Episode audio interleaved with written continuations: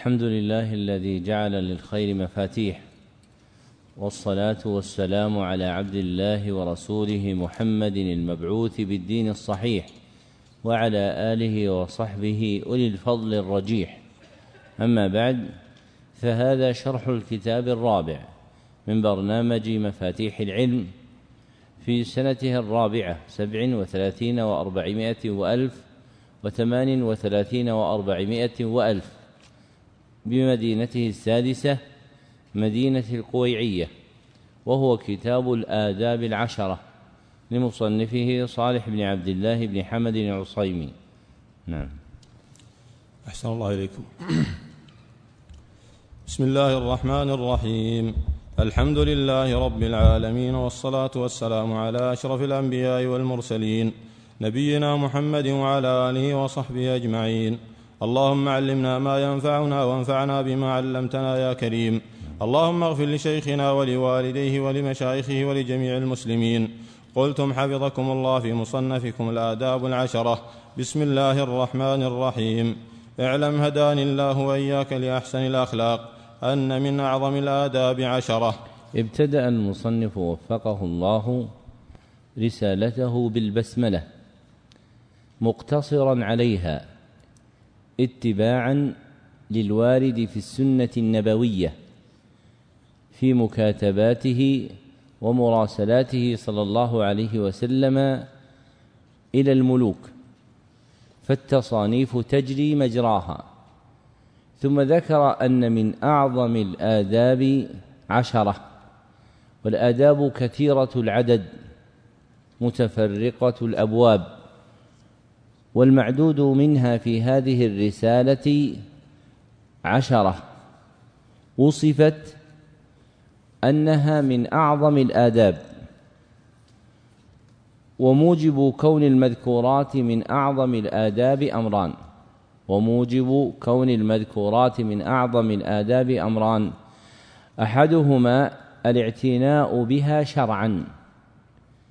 الاعتناء بها شرعا فدلائل الشرع متكاثرة في بيان الأحكام المتعلقة بتلك الآداب العشرة.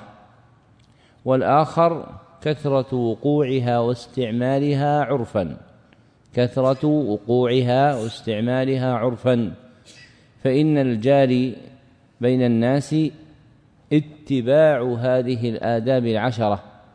لكثرة الحاجة إليها وتكرار فعلها والقيام بها. والآداب جمع أدب وهو ما حمد شرعا أو عرفا وهو ما حمد شرعا أو عرفا. وحقيقته خصلة الخير التي يحمدها الخلق خصلة الخير التي يحمدها الخلق. والمتحلي بالآداب يدعى ذا أدب ويسمى مؤدبا لاجتماع خصال الخير فيه لاجتماع خصال الخير فيه. ذكره ابن القيم في مدارج السالكين.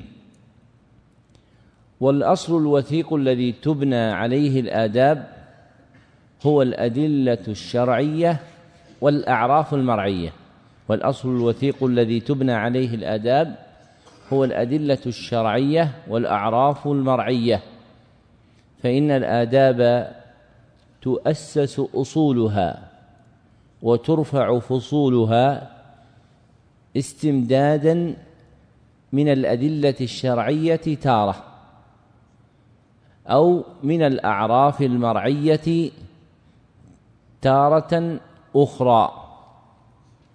ففيهما غنية عن الاستمداد من غيرهما.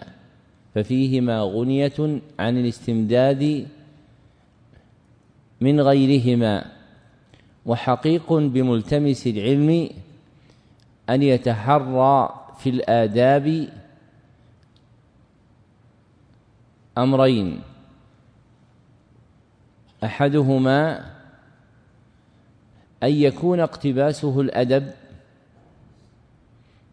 من مشكاه دلائل الكتاب والسنة وما استقامت عليه أعراف الخلق. فتكون مأخوذة عنده من الدين القويم والعرف المستقيم فتكون مأخوذة عنده من الدين القويم والعرف المستقيم. والآخر أن يتحقق بهذه الآداب عملا أن يتحقق بهذه الآداب عملا. فإن قدوته فيها هو النبي صلى الله عليه وسلم الذي العلم ميراثه. فمن أراد أن يجمع ميراث النبي صلى الله عليه وسلم من العلم حسن به أن يتخذه صلى الله عليه وسلم قدوة في كمال أدبه وحسن خلقه. نعم. أحسن الله إليكم. الأول إذا لقيت مسلما فسلم عليه قائلا السلام عليكم ورحمة الله وبركاته. وإن سلم عليك فقل وعليكم السلام ورحمة الله وبركاته. ذكر المصنف وفقه الله الأدب الأول من الآداب العشرة وهو يتعلق بأدب السلام وفيه ثلاث مسائل.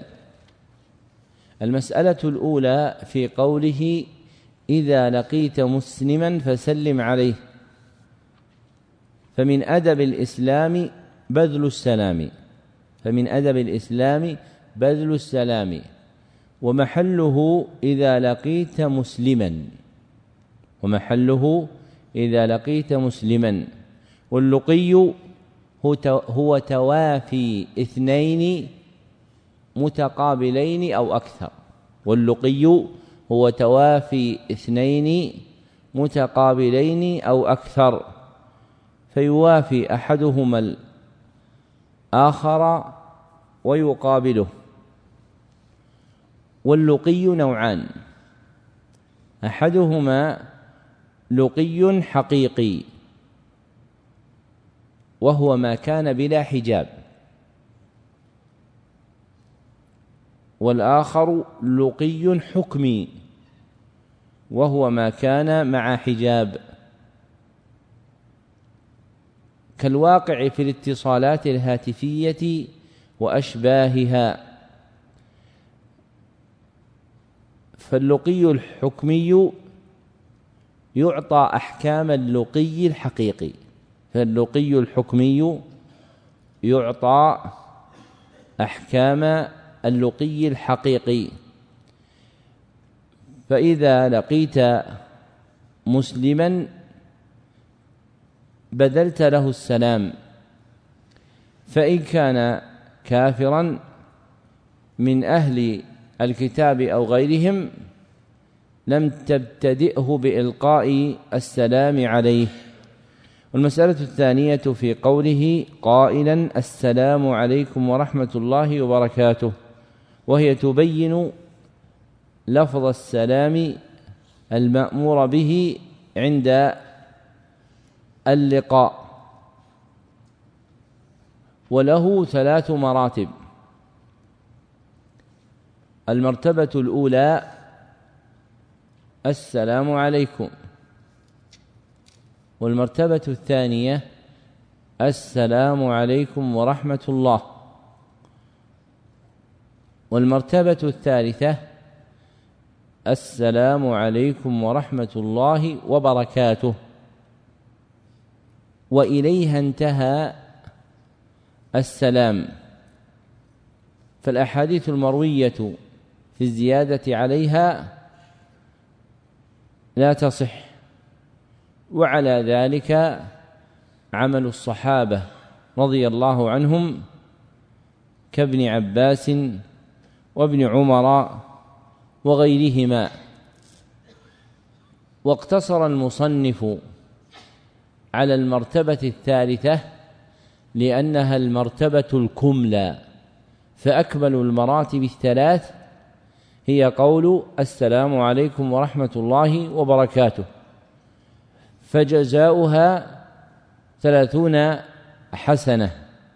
والمرتبة الثانية جزاؤها عشرون حسنة. والمرتبة الأولى جزاؤها عشر حسنات.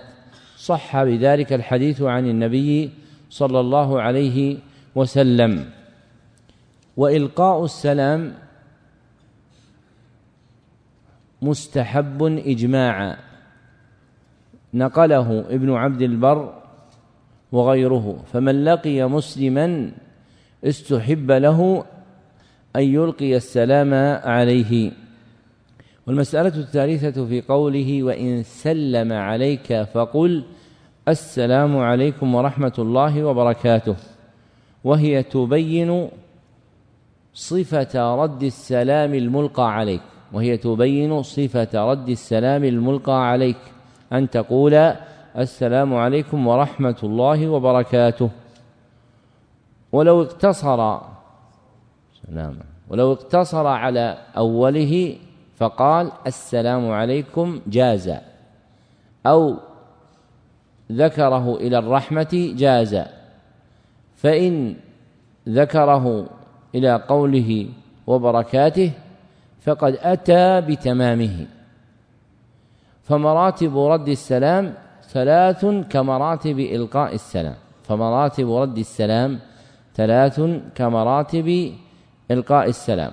وأكملهن هي قول وعليكم السلام ورحمة الله وبركاته. وعليها اقتصر المصنف. ورد السلام على من ألقي عليه واجب اجماعا ورد السلام على من ألقي عليه واجب اجماعا نقله ابن عبد البر وغيره. ومحل وجوبه من ألقي عليه دون غيره ومحل وجوبه من ألقي عليه دون غيره. فإن كان الملقى عليه السلام واحدا فرده السلام فرض عين. فإن كان الملقى عليه السلام واحدا فرده السلام فرض عين. وإن كان الملقى عليه السلام جماعة فالرد فرض كفاية عليهم. فإذا رد واحد منهم سقط الإثم عن غيرهم. وقولنا محل وجوبه الملقى عليه أي من قصد به لا من سمعه. أي من قصد به لا من سمعه. فلو قدر أن أحدا دخل مسجدا فقصد رجلا فيه وسلم عليه. وفي ناحية أخرى من المسجد رجل يسمع سلامه. فإن وجوب الرد يكون على على من؟ على من قصد بالسلام وألقي عليه دون من سمعه فلا يكون عليه واجبا. نعم. أحسن الله إليكم. الثاني إذا أردت الدخول على أحد فاستأذن واقفا عن يمين الباب أو يساره فإن أذن لك دخلت. فإن أذن لك دخلت وإن قيل لك ارجع فارجع. ذكر المصنف وفقه الله الأدب الثاني من الآداب العشرة وهو يتعلق بأدب الاستئذان وفيه أربع مسائل. فالمسألة الأولى في قوله إذا أردت الدخول على أحد فاستأذن.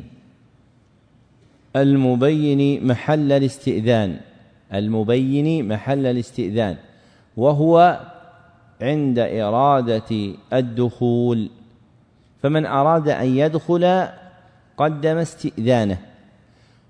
ولم يؤخره حتى يدخل فمحل الأدب قبل الدخول لا بعده. فمحل الأدب قبل الدخول لا بعده. والاستئذان هو طلب الإذن. والدخول على الشيء هو الولوج عليه والكون معه. والدخول على الشيء هو الولوج عليه والكون معه. والأمر بالاستئذان يكون فيما هو محجوب عادة. والأمر بالاستئذان يكون فيما هو محجوب عادة. كدار أو مكتب لا يطرق عادة. أو مكتب لا يطرق عادة. دون ما هو مفتوح عادة. كدكان سوق أو مكتب يطرق عادة فيتعلق حكم الاستئذان بما يحجب عادة دون ما لا يحجب عادة ويرجع في ذلك إلى أعراف الناس. والمسألة الثانية في قوله واقفا عن يمين الباب أو يساره. فإذا أراد الدخول واستأذن لأجله وقف عن يمين الباب أو شماله غير مواجه له لئلا يطلع على ما يكرهه المستأذن عليه لئلا يطلع على ما يكرهه المستأذن عليه عند فتحه بابه. فإن الاستئذان جعل لحفظ العورات. فإن الاستئذان جعل لحفظ العورات. ومما يحققها ترك مواجهة الباب عند الاستئذان. ومما يحققها ترك مواجهة الباب عند الاستئذان. والمسألة الثالثة في قوله فإن أذن لك دخلت. لأن الإذن لفظ يستباح به الدخول لأن الإذن لفظ يستباح به الدخول أي يطلب به إباحة الدخول. فإذا أذن لك فقال أدخل أو ما في معناه كقوله يا هلا أو قوله تعال أو قوله أقلط. أو قوله أقبل. كانت تلك الكلمات كلها بمنزلة واحدة في حصول الإذن للمستأذن. كانت تلك الكلمات في حكم واحد في حصول الإذن للمستأذن. فلا ينحصر حصول الإذن في كلمة أدخل. الواردة في بعض الأحاديث. فيلحق بها ما كان في معناها. والمسألة الرابعة في قوله وإن قيل لك ارجع فارجع. أي إذا لم يؤذن لك. سلام. أي إذا لم يؤذن لك فمنعت من الدخول وقيل لك ارجع فارجع. ممتثلا قوله تعالى وإذا قيل لكم ارجعوا فارجعوا. والرجوع إذا لم يؤذن لأحد له حالان. والرجوع إذا لم يؤذن لأحد له حالان. إحداهما رجوع مع طيب نفس. فلا يجد المردود ألما في نفسه. رجوع مع طيب نفس. فلا يجد المردود ألما في نفسه. والأخرى رجوع مع خبث نفس. رجوع مع خبث نفس. فيجد المردود ألما في نفسه. والذي يتحقق به امتثال الأمر أن يرجع العبد طيب النفس. والذي يتحقق به امتثال الأمر أن يرجع العبد طيب النفس. مسلما لأمر الله غير منازع له. فإن الله أمره بذلك. فمن كمال التسليم لأمره اطمئنان القلب وسكون النفس وطيبها إذا رد الإنسان فلم يؤذن له فإن للناس اعذارا واحوالا. إن اطلعت على شيء منها فإنه يخفى عليك أشياء والناس موكولون إلى ذممهم في إقامة الأحكام الشرعية فهو مأمور بحسن استقبال من قصده من المسلمين فإن كان له عذر في استقباله واعتذر منه وأمره بالرجوع وجب على المردود أن يرجع طيب النفس مسلما لأمر الله سبحانه وتعالى. نعم. أحسن الله إليكم. الثالث سم الله في ابتداء أكلك وشربك قائلا بسم الله. وكل بيمينك وكل مما يليك. فإذا فرغت فالعق أصابعك وقل الحمد لله. ذكر المصنف وفقه الله الأدب الثالث من الآداب العشرة وهو يتعلق بأدب الطعام وفيه ست مسائل. المسألة الأولى في قوله سم الله في ابتداء أكلك وشربك وهي في ذكر ما يقال عند ابتداء الأكل والشرب. والمراد بالابتداء المبادرة بقولها قبل الأكل أو الشرب. المبادرة بقولها قبل الأكل أو الشرب فيأتي بها قبل شروعه في أكله أو شربه. فيأتي بها قبل شروعه في أكله أو شربه. والمسألة الثانية في قوله قائلا بسم الله. أي حال تسميتك في ابتداء الأكل أو الشرب؟ فتقول بسم الله. فقوله قائلا بسم الله تفسير لقوله سم الله.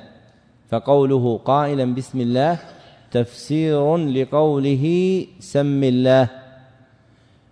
فتقول بسم الله مقتصرا على الصيغة المذكورة. لأنه يتحقق بها امتثال الأمر النبوي الوارد في حديث عمر بن أبي سلمة رضي الله عنه أن النبي صلى الله عليه وسلم قال له يا غلام سم الله وكل بيمينك وكل مما يليك. ووقع عند الطبراني في المعجم الكبير في هذا الحديث التصريح بقولها. أنه قال يا غلام قل بسم الله. فالتسمية المأمور بها عند ابتداء الطعام هي قول بسم الله. فإن زاد عليها فقال بسم الله الرحمن أو قال بسم الله الرحمن الرحيم. أو جاء بغير هذين الاسمين من الأسماء الإلهية فقال بسم الله الكريم الرزاق كان ذلك جائزا كان ذلك جائزا. وذهب بعض أهل العلم إلى أن الزيادة أفضل وذهب بعض أهل العلم إلى أن الزيادة أفضل. بأن يقول بسم الله الرحمن الرحيم. وهو اختيار ابن تيم وهو اختيار أبو زكريا النووي وابن تيمية الحفيد. وهو اختيار أبي زكريا النووي وابن تيمية الحفيد.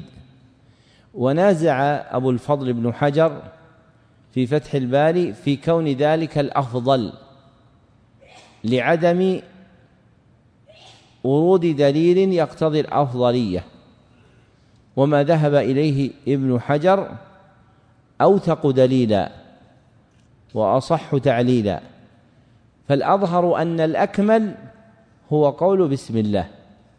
لكن إن زاد عليها فقال بسم الله الرحمن الرحيم أو شيئا يزيده من الأسماء الإلهية بعد البسملة كان ذلك جائزا. وتقدم أن التسمية تكون في ابتداء الطعام.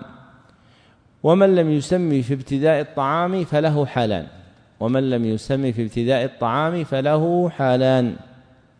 إحداهما أن يتذكر التسمية في أثنائه. أن يتذكر التسمية في أثنائه.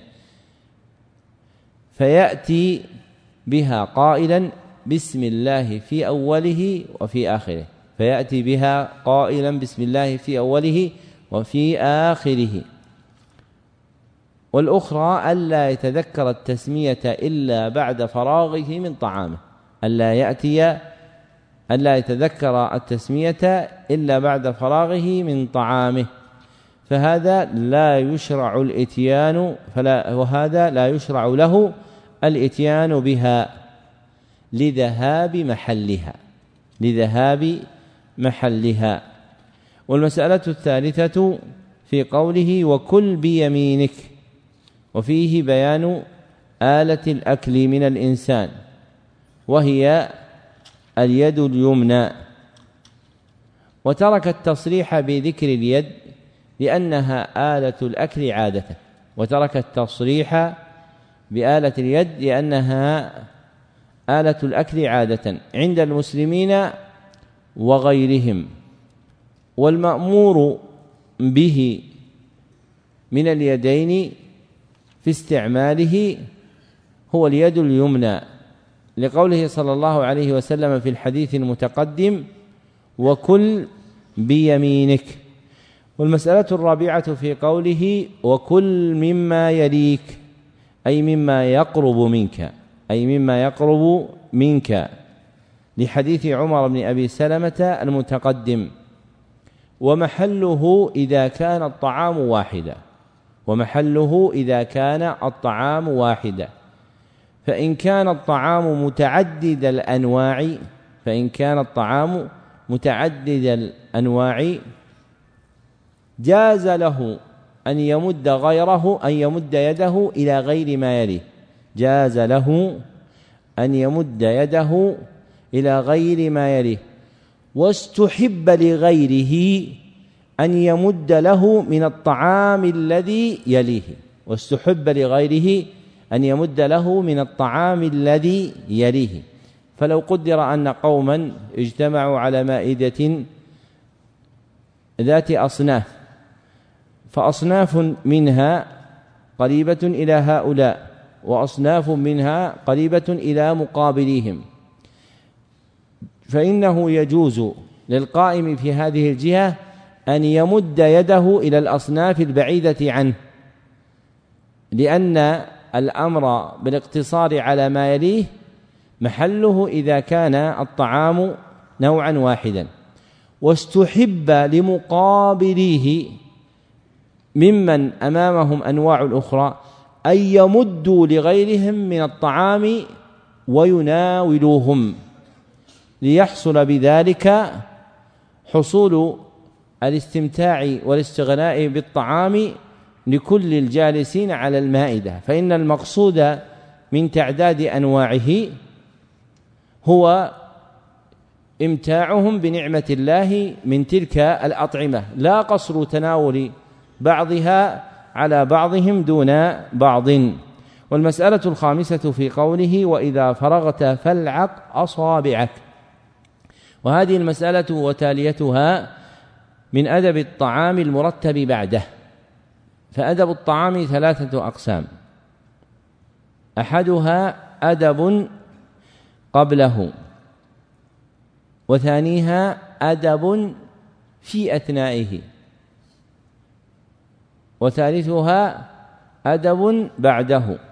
فمن الأدب بعد الفراغ من الطعام والانفصال عنه لعق الأصابع فمن الأدب بعد الفراغ من الطعام والانفصال عنه والانفصال عنه لعق الأصابع.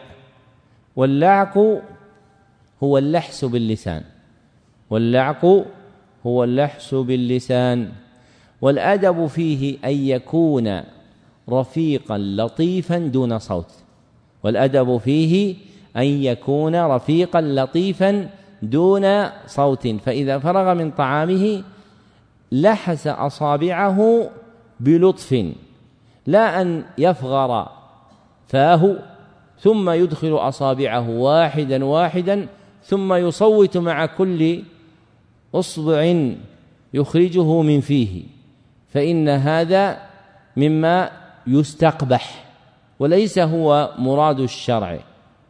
وهذا من المسائل التي يغفل عنها بعض الناس فإن من الناس من يكل فهمه للشرع إلى خيالاته دون تلقي له عن أهل العلم فهو يزعم أن لعق الأصابع سنة فتراه وهو على المائدة يأخذ أصابعه واحدا واحدا ثم يجرها من فيه بصوت مقزز تنفر منه النفوس المستقيمة. ومن هذا الجنس ما يذكره الفقهاء عند تقبيل الحجر الأسود في الطواف فإنه تقبيل تعظيم يكون لطيفا برفق. ومن الناس من يقبل الحجر الأسود فيسمع الفئام من الخلق حوله ظانا أن قوة القبلة القبلة هي قوة عبادة. وهي إساءة أدب. فالأدب في تقبيل الحجر الأسود أن يكون تقبيله بلطف فإنها قبلة تعظيم. ومن هذا الجنس ما ذكرناه من لحس الأصابع أنها تكون بلحس رفيق لطيف. والمشروع للإنسان أن يلحسها بنفسه أو يلعقها من يتلطف منه عادة. لقوله صلى الله عليه وسلم إذا فرغ أحدكم من طعامه فليلعق أصابعه أو ليلعقها. أي على وجه الملاطفة. ممن يستحسن ذلك معه ملاطفة كزوج أو صبي صغير. وليس ذلك محلا مع غيرهما. فإن المقصود عند مد اليد لمن يلعقها من صغير أو زوج أو زوج حصول الملاعبة والملاطفة ممن هو محل لذلك. فإذا استحضر الرجل ابنا له كبيرا وطلب منه أن يلعق أصابعه زاعما أنها السنة فقد أخطأ في فهم السنة. فإن الأمر النبوي يقع فيما تحصل به الملاطفة والمداعبة فهي عادة العرب في ذلك. ومن مراتب الأحكام ما يوكل إلى الطبع المستقيم عند العرب في باب الأطعمة أو غيره. ذكره الإمام أحمد وغيره. ومن هذا الجنس ما ورد في الأحاديث من كونه يلعقها من كونه يلعقها غيره أي على النحو الذي ذكرناه.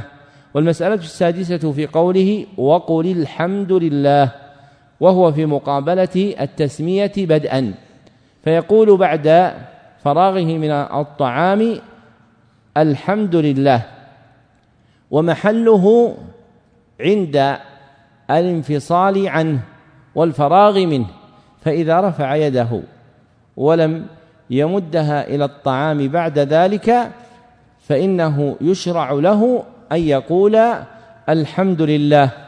والأحاديث الواردة في حمد الله بعد الطعام متعددة الوجوه وهي على اختلافها مجتمعة في الحمد. فأقل ما يحصل به هذا الأدب هو قول الحمد لله.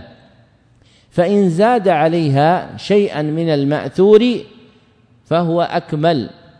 كقوله صلى الله عليه وسلم الحمد لله كثيرا طيبا مباركا فيه غير مكفي ولا مستودع ولا مستغنى عنه ربنا أو غير ذلك من الأحاديث الواردة ومثله إن زاد عليه شيئا فيه شكر الله كقوله الحمد لله الذي رزقنا هذا وأطعمناه ويسر لنا أكله وجمعنا عليه فإن هذا مما يتحقق به مزيد الشكر له سبحانه وتعالى. لكن أكمله الوارد عن النبي صلى الله عليه وسلم. نعم.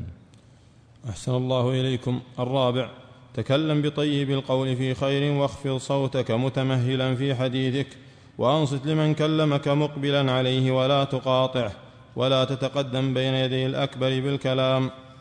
ذكر المصنف وفقه الله الأدب الرابع من الآداب العشرة وهو يتعلق بأدب الكلام. وفيه سبع مسائل. المسألة الأولى في قوله تكلم بطيب القول في خير.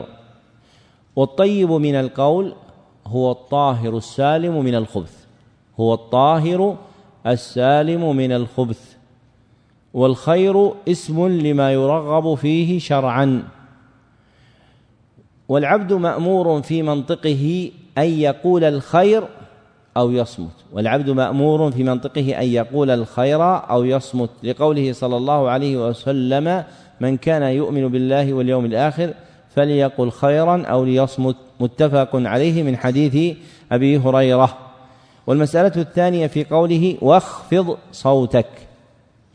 فالصوت وعاء الكلام الذي يدفع به إلى الخلق وخفضه الهمس به وخفضه الهمس به وترك رفعه فإذا تكلم همس بكلامه ولم يرفع صوته. والمسألة الثالثة في قوله متمهلا في حديثك فإذا تحدث سن له أن يتمهل. والتمهل هو التأني والتؤدة. والتمهل هو التأني والتؤدة. فيخرج كلامه شيئا فشيئا حتى يتحرز فيما يتكلم فيه.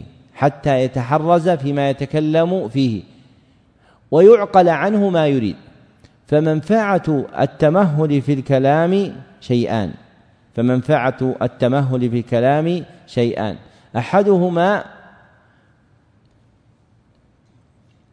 تحرز العبد في كلامه تحرز العبد في كلامه فلا يخرج منه إلا ما وزنه فلا يخرج منه إلا ما وزنه.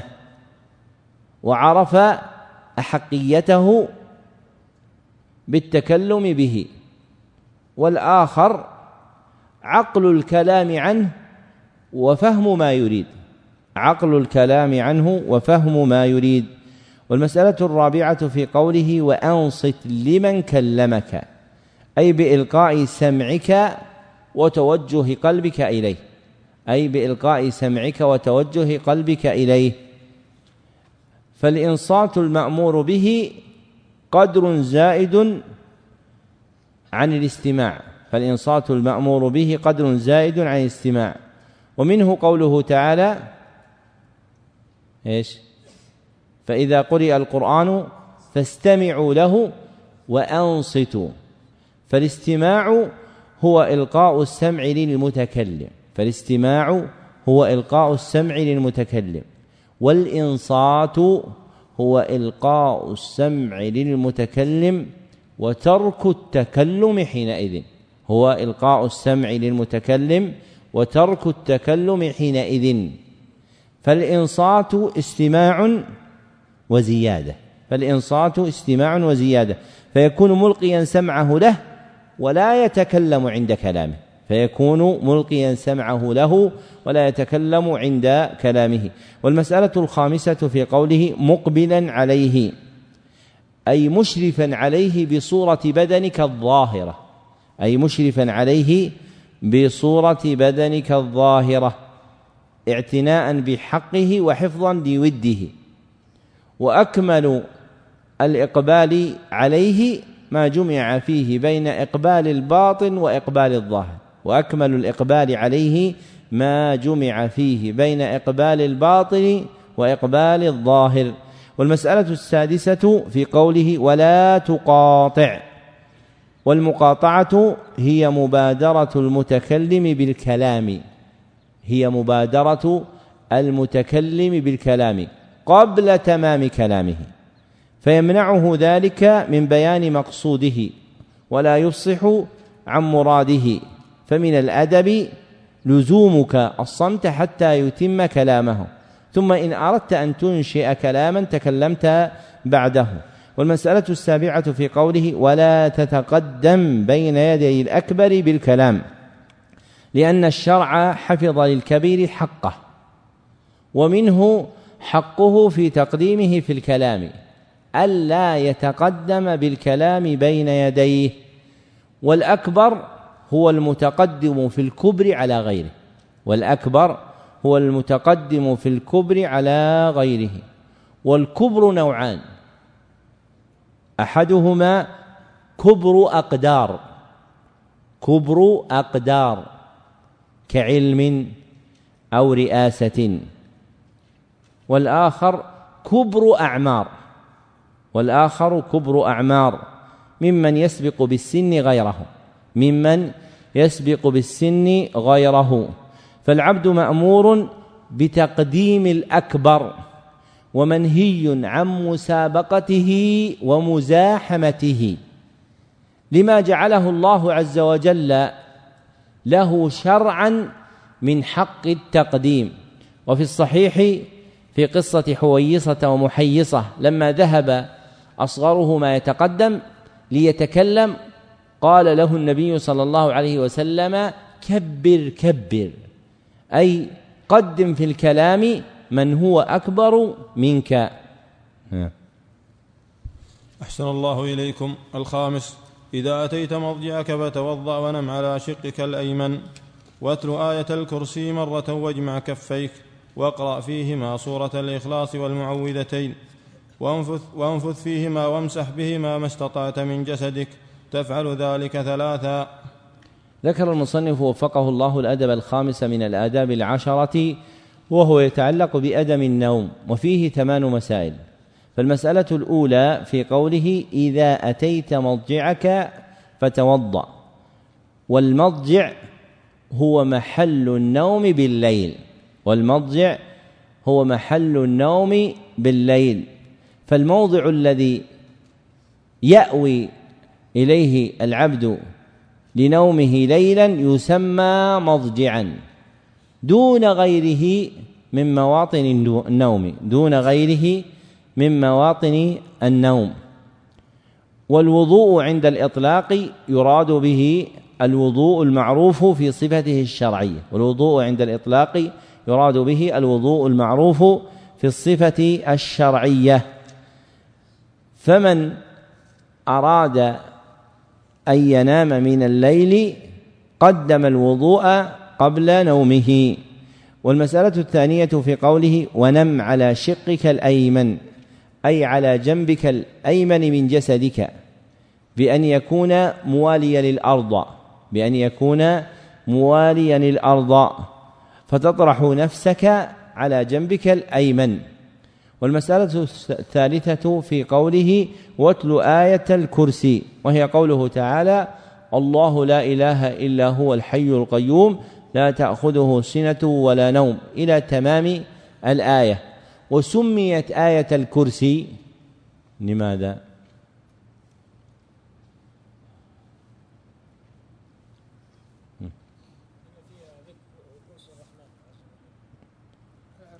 يعني قريب منه. لاختصاصها بذكر الكرسي الإلهي. لاختصاصها بذكر الكرسي الإلهي. فإن الكرسي الإلهي لم يذكر في القرآن إلا في هذه الآية فإن الكرسي الإلهي لم يذكر في القرآن إلا في هذه الآية فمن الخطأ ظنوا أنها سميت آية الكرسي لأن الكرسي ذكر فيها لأن هل ذكر القرآن الكرسي في القرآن في غير هذه الآية أم لا؟ ما فيه؟ ها؟ أحسن. ذكر في غير هذه الآية. لكن الذي لم يذكر إلا في هذه الآية هو الكرسي الإلهي. هو الكرسي الإلهي. فسميت آية الكرسي لأجل ذلك. وتلاوتها قراءتها. وتلاوتها قراءتها. والمسألة الرابعة في قوله واجمع كفيك. وهما باطنا اليد فباطن اليد يسمى كفا. وجمعهما ضم إحداهما إلى الأخرى بإلصاقها حذاءها. ضم إحداهما إلى الأخرى بإلصاقها حذاءها. لا أن يجعل إحداهما في باطن الأخرى وإنما تكون كهيئة الداعي ملصقا إحداهما بالأخرى. والمسألة الخامسة في قوله وقرأ فيهما سورة الإخلاص والمعوذتين فتقرأ فيهما ثلاث سور. هي سورة الإخلاص قل هو الله أحد وسورة قل أعوذ برب الفلق وسورة قل أعوذ برب الناس. والمسألة السادسة في قوله وانفث فيهما أي في كفيك المجموعتين. والنفث هواء مع ريق لطيفة. هواء مع ريق لطيفة. فيكون الهواء الخارج من الفم مصحوبا بريق لطيفة تندفع منه. والمسألة السابعة في قوله وامسح بهما ما استطعت من جسدك. والمسح هو الإمرار. والمسح هو الإمرار. فإذا قرأ هؤلاء السور الثلاث ثم نفث فيهن شرع يمسح بيديه ما استطاع من بدنه فالممسوح هو المستطاع عادة من البدن دون تكلف فإذا أراد أن يمسح أقبل بيديه كل واحدة فيما يليها من جهة أو تدركه فمسح بلا تكلف كأن يمسح رأسه وصدره وبطنه دون تكلف بقصد ثني بدنه حتى يعمم المسح عليه. فإن المشروع حصول المسح دون تكلف في طلب تعميم المسح لجميع أعضاء البدن. والمسألة الثامنة في قوله تفعل ذلك ثلاثا أي تكرر النفث أي تكرر القراءة والنفث والمسح ثلاثا. فتقرأ أولا السور الثلاث ثم تنفث ثلاثا ثم تمسح ثم ترجع ثانية فتضم فتضم يديك كفيك ثم تقرأ سورة الإخلاص. فالفلق فالناس ثم تنفث ثلاثا ثم تمسح ثم تعيد ذلك ثالثة فتقرأ ثم تنفث ثلاثا ثم تمسح. فيحصل تكرار القراءة والنفث والمسح ثلاثا على هذه السورة. وإن قدم سورة على صورة جاز ذلك. فلو قدر أنه قرأ الناس فالفلق فالإخلاص صح ذلك. فالمقصود قراءة هذه السور الثلاث. نعم. أحسن الله إليكم. السادس إذا عطست فغطي وجهك بيدك أو بثوبك واحمد الله فإن شمتك أحد فقال يرحمك الله فقل يهديكم الله ويصلح بالكم. ذكر المصنف وفقه الله الأدب الخامس من الآداب العشرة وهو يتعلق بأدب العطاس. وفيه أربع مسائل. فالمسألة الأولى في قوله إذا عطست فغط وجهك بيدك أو بثوبك. والعطاس هو صوت يخرج من الأنف مع هواء شديد. هو صوت يخرج من الأنف مع هواء شديد. فإذا عطس العبد أمر أن يغطي وجهه لئلا يتناثر أثر عطاسه مما يخرج من أنفه. فيغطيه بيده أو بثوبه ويحبس المتناثر من أثر عطاسه فيرد على وجهه شيئا من ثوبه كعمامة أو طرف قميص أو غير ذلك مغطيا وجهه به أو يمسك بيده على أنفه. والمختار كون الإمساك باليد اليسرى. والمختار كون الإمساك باليد اليسرى. لأن المتناثر من العطاس عادة وهو المخاط مستقذر طبعا لأن المتناذر عادة من العطاس وهو المخاط مستقذر طبعا لا شرعا فهو طاهر بالاتفاق لكن النفوس تستقذره واليسرى مجعولة في الشرع للأذى واليسرى مجعولة في الشرع للأذى بخلاف اليمنى فهي للتكريم. والمسألة الثانية في قوله واحمد الله أي قل الحمد لله وهو أقل المأمور به عند العطاس. وورد في الأحاديث النبوية صيغ عدة كالحمد لله والحمد لله رب العالمين والحمد لله على كل حال فالمأمور به منها هو حصول الحمد فإن زاد عليه بشيء من الوارد كان ذلك مستحسنا يتحقق به كمال الاتباع ويعمل بالسنة على اختلاف وجوهها. والمسألة الثالثة في قوله فإن شمتك أحد فقل يرحمك الله أي إذا فإن شمتك أحد فقال يرحمك الله أي إذا عطس عاطس فإن المأمور به سامعه أن يدعو له بالرحمة فيقول له يرحمك الله. والمسألة الرابعة في قوله فقل يهديكم الله ويصلح بالكم أي إن خاطبك أحد بالدعاء لك بالرحمة فادعوا له بقولك يهديكم الله ويصلح بالكم. والآثار المروية عن الصحابة في هذا المحل تدل على أن مقصود الشرع هنا الدعاء لمن دعا. أن مقصود الشرع هنا الدعاء لمن دعا. وأكمله الدعاء بقول يهديكم الله ويصلح بالكم. فإن دعا له بالرحمة أو بالمغفرة صح ذلك. فقد ثبت عن ابن عمر رضي الله عنه أنه كان يقول يرحمنا الله وإياكم ويغفر لنا ولكم. يرحمنا الله وإياكم ويغفر لنا ولكم.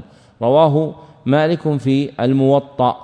وهو أصل ما عليه الناس في هذا القطر من دعائهم بقول يرحمنا ويرحمكم الله. فإنهم يدعون بذلك. وهو راجع إلى الأصل المعروف عن الصحابة المروي عن ابن عمر وابن عباس رضي الله عنهما في حصول الدعاء بأي شيء يقع به تطيب خاطر الدعاء بالرحمة. وأكمله الوارد عن النبي صلى الله عليه وسلم لكن لا يمنع من غيره لثبوته عن الصحابة بغير هذا اللفظ. نعم.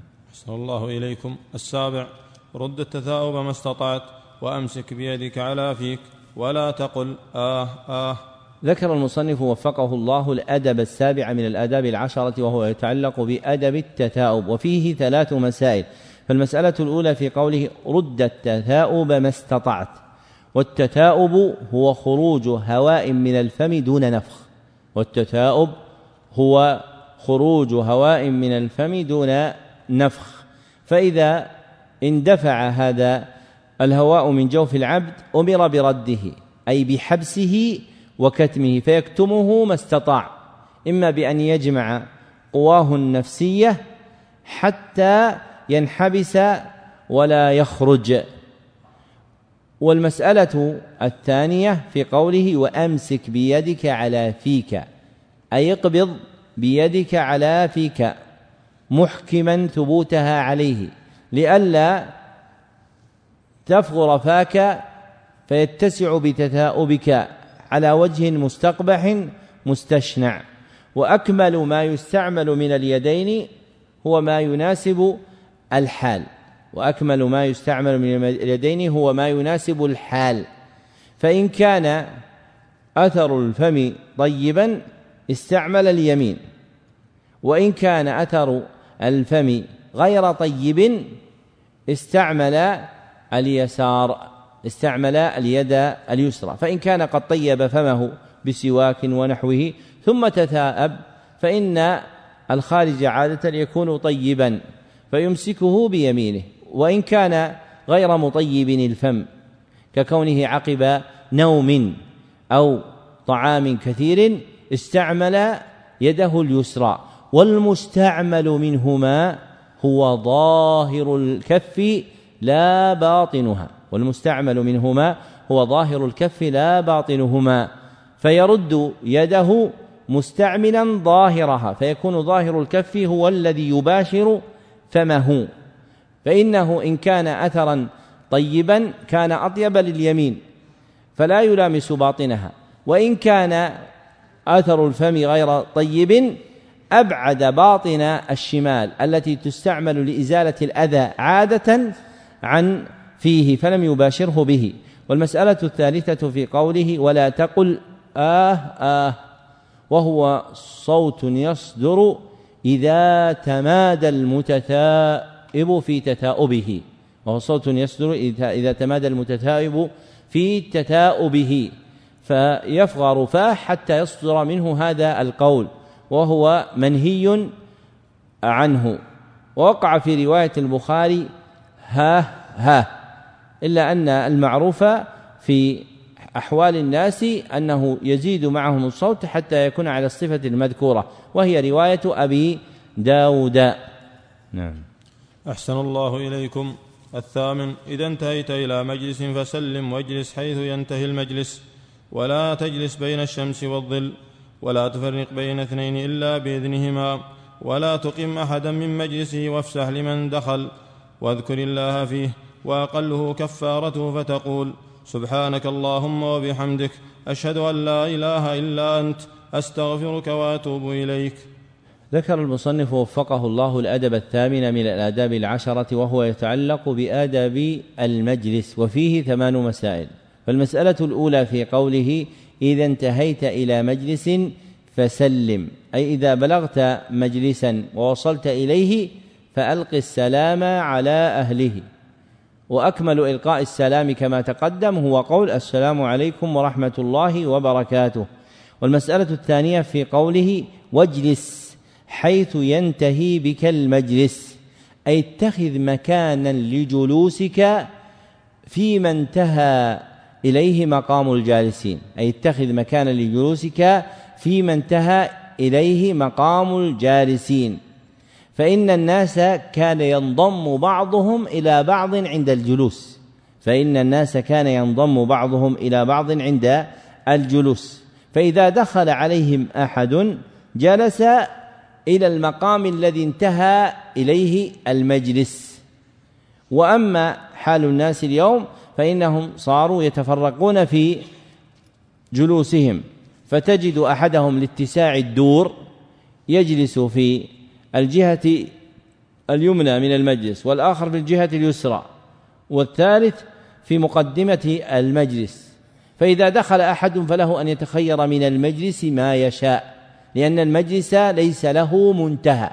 وأما إذا انتظم المجلس فصار أهله منضما بعضهم إلى بعض متقاربين في جلوسهم فإنه يجلس حيث انتهى مقام الجالسين منه. والمسألة الثالثة في قوله ولا تجلس بين الشمس والظل بأن يكون بعضك في الشمس وبعضك وبعضك في الظل للنهي عن ذلك. ثبت هذا عند ابن ماجه بإسناد حسن.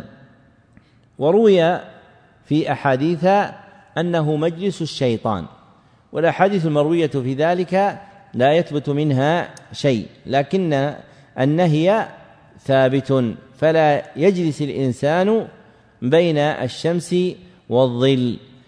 والمسألة الرابعة في قوله ولا تفرق بين اثنين إلا بإذنهما أي لا تجلس بين اثنين جلس أحدهما إلى الآخر إلا بأن تستأذن منهما أي لا تفرق بين اثنين جلس أحدهما إلى الآخر إلا بأن تستأذن منهما بأن تتخذ مقاما للجلوس بينهما.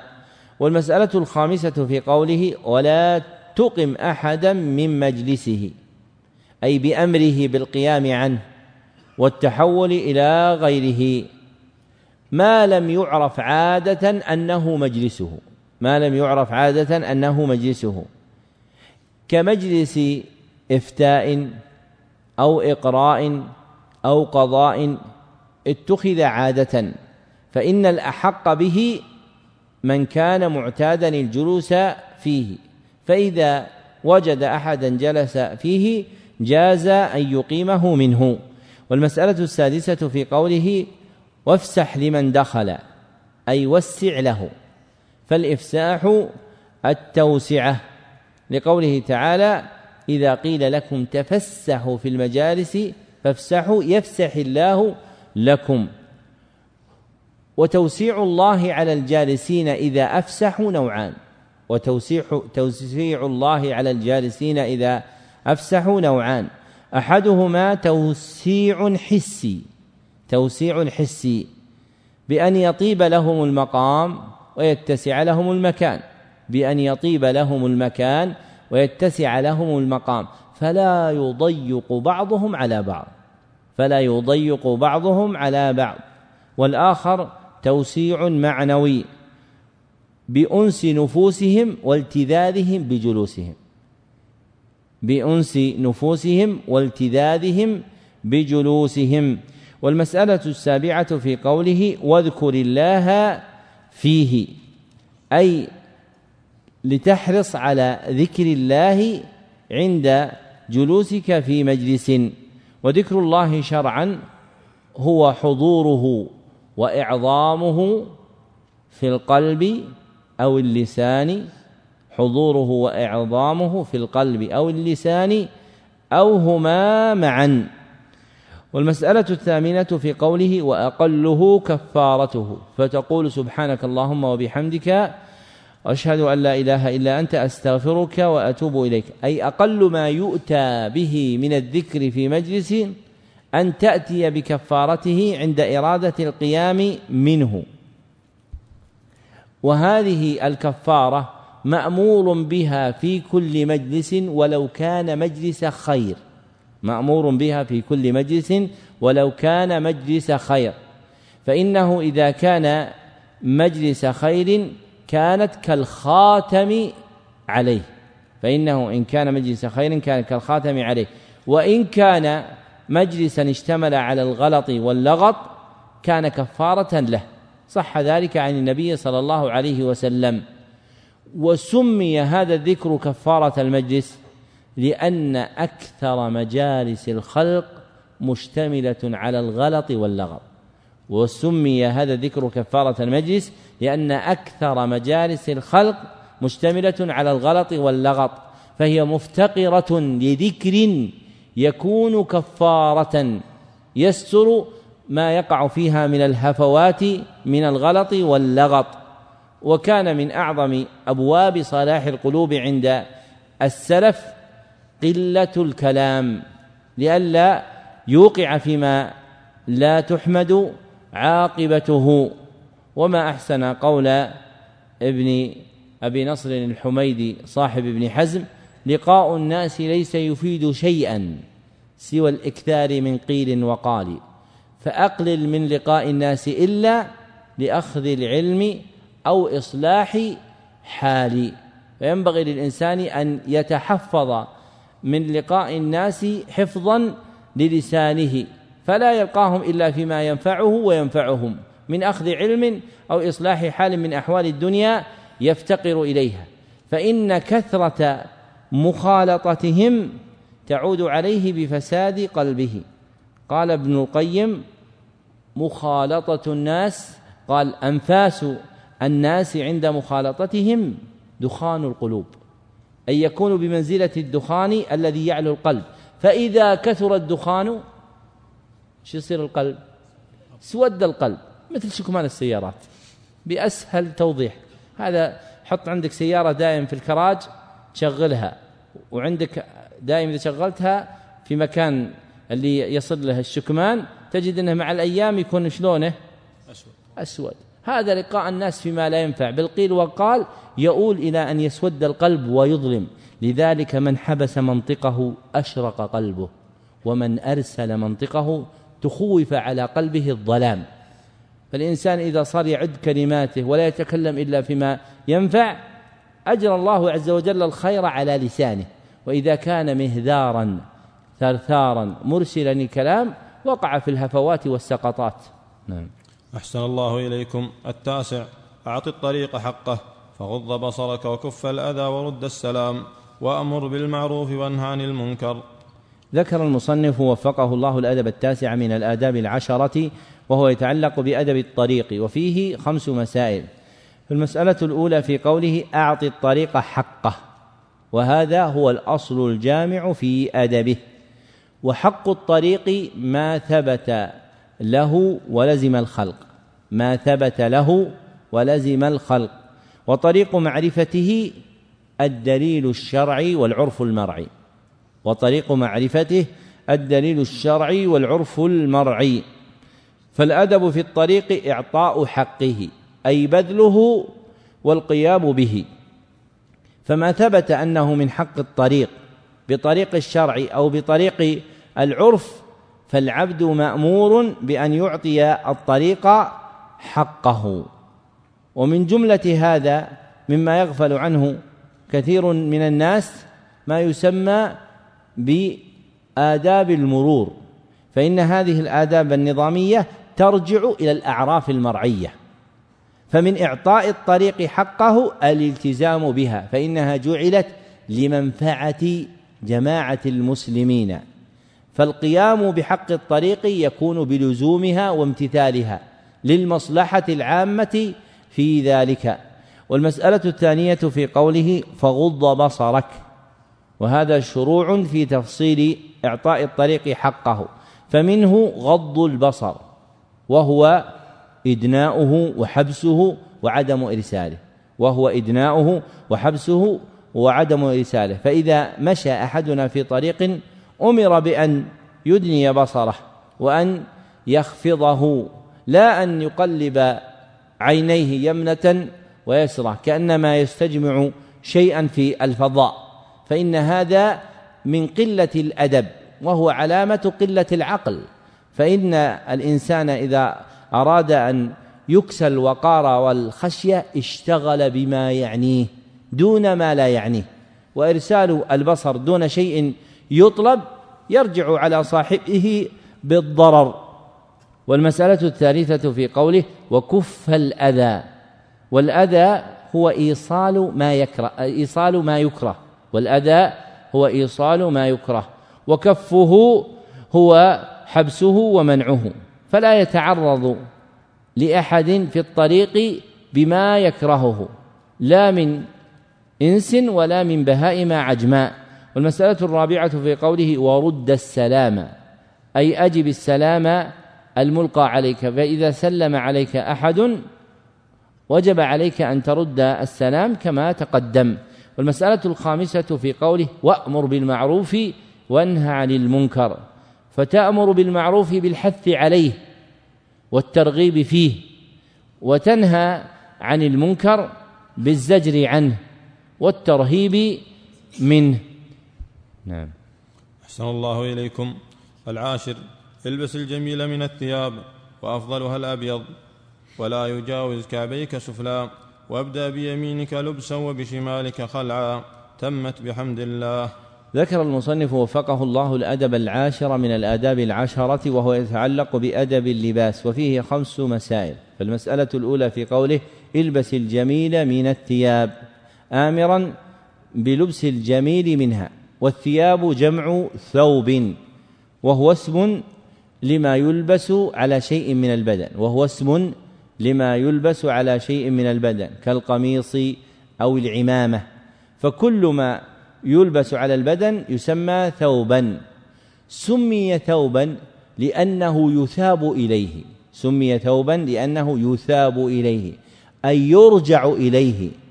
فيلبس مرة بعد مرة. والجميل من الثياب المستحسن شرعا أو عرفا. والجميل من الثياب المستحسن شرعا أو عرفا. ولبسه تغطية البدن أو بعضه به تغطية البدن أو بعضه به. والمسألة الثانية في قوله وافضلها الابيض فهو المفضل شرعا وطبعا. لقوله صلى الله عليه وسلم البسوا البياض فسيد الألوان هو الأبيض واختارته الشريعة تقديما له.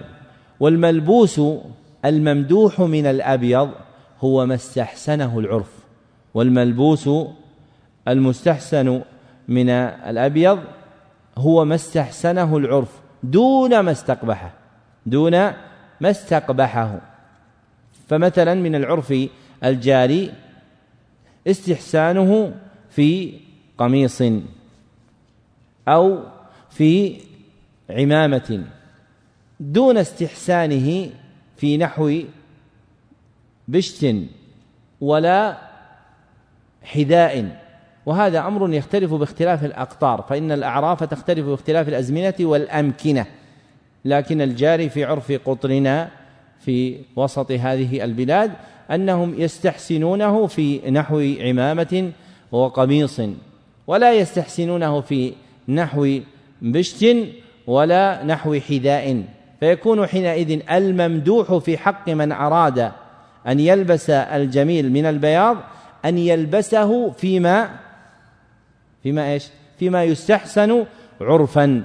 والمسألة الثالثة في قوله ولا يجاوز كعبيك سفلا مبينا منتهى الثوب في جهة السفل وهو انتهاؤه إلى الكعبين.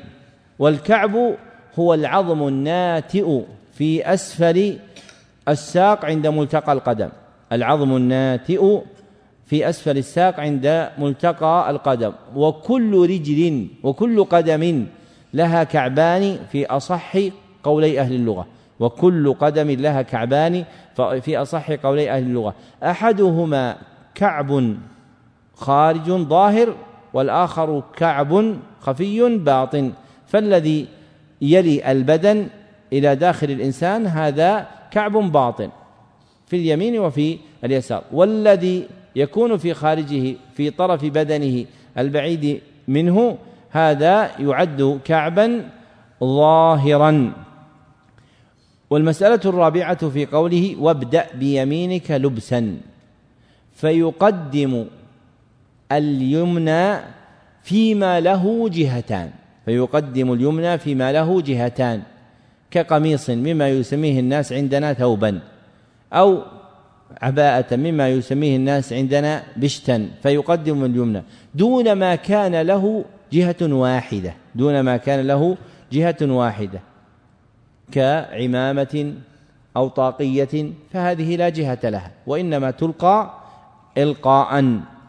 والمسألة الخامسة في قوله وبشمالك خلعا فتقدم عند خلع ثوبك اليسرى فيما له جهتان كما تقدم دون ما كانت له جهة واحدة. ثم ختم المصنف بقوله تمت بحمد الله لأن الحمد كلمة الشكر والعبد مأمور عند تجدد نعمة الله أن يشكر الله سبحانه وتعالى. ومن تلك النعم تمام التصنيف عند المصنفين. تمام التصنيف عند المصنفين. فمن تم له تصنيف استحسن أن يحمد الله سبحانه وتعالى في آخر تصنيفه. ومن تم له تدريس استحسن له أن يحمد الله في آخر تدريسه. فالحمد لله الذي أتم علينا تدريس هذه الآداب العشرة في هذا المجلس. وهذا آخر البيان. اكتبوا طبقة السماع. سمع علي جميع لمن حضر الجميع الآداب العشرة بقراءة غيره والقارئ يكتب بقراءته صاحبنا ويكتب اسمه تاما فتم له ذلك في مجلس واحد في الميعاد المثبت في محله من نسخته وأجزت له روايته عني إجازة خاصة من معين لمعين في معين الحمد لله رب العالمين. صحيح ذلك وكتبه صالح بن عبد الله بن حمد العصيمي يوم السبت الرابع عشر من شهر المحرم سنة ثمان وثلاثين وأربعمائة وألف في جامع الفاروق بمدينة القويعية عمرها الله بالبر والطاعة. وهذا المتن وصيتي لكم في أنفسكم وفي أولادكم وفي أهليكم. الإنسان يعلمه زوجته يعلمه أولاده وأئمة المساجد يعلمونه الناس ويحرصون على هذا. فإن من أسباب نقص العبودية عند الناس خاصة طلاب العلم أن باب الآداب والأذكار لا يبالون بها وكأنه يرى هذه شيء سهل واضح ولا نحتاج إليه. فإذا رأيت حالنا بعد ذلك في الأدب وفي الذكر تجد أن فيه ضعفا وينبغي أن يعتني بها طالب العلم لأنها من أعظم ما يكمل العبودية. فالمؤدب تعظم عبوديته لله وقليل الأدب تقل عبوديته لله. وقد ذكر ابن القيم كلاما نافعا في صدر منزلة الأدب من مدارج السالكين فذكر أن أدب الإنسان عنوان فلاحه وسعادته وأن قلة أدبه عنوان بواره وخسارته. فنسأل الله أن يرزقنا جميعا الأدب الحسن. الحمد لله رب العالمين وصلى الله وسلم على عبد رسول محمد وآله وصحبه أجمعين.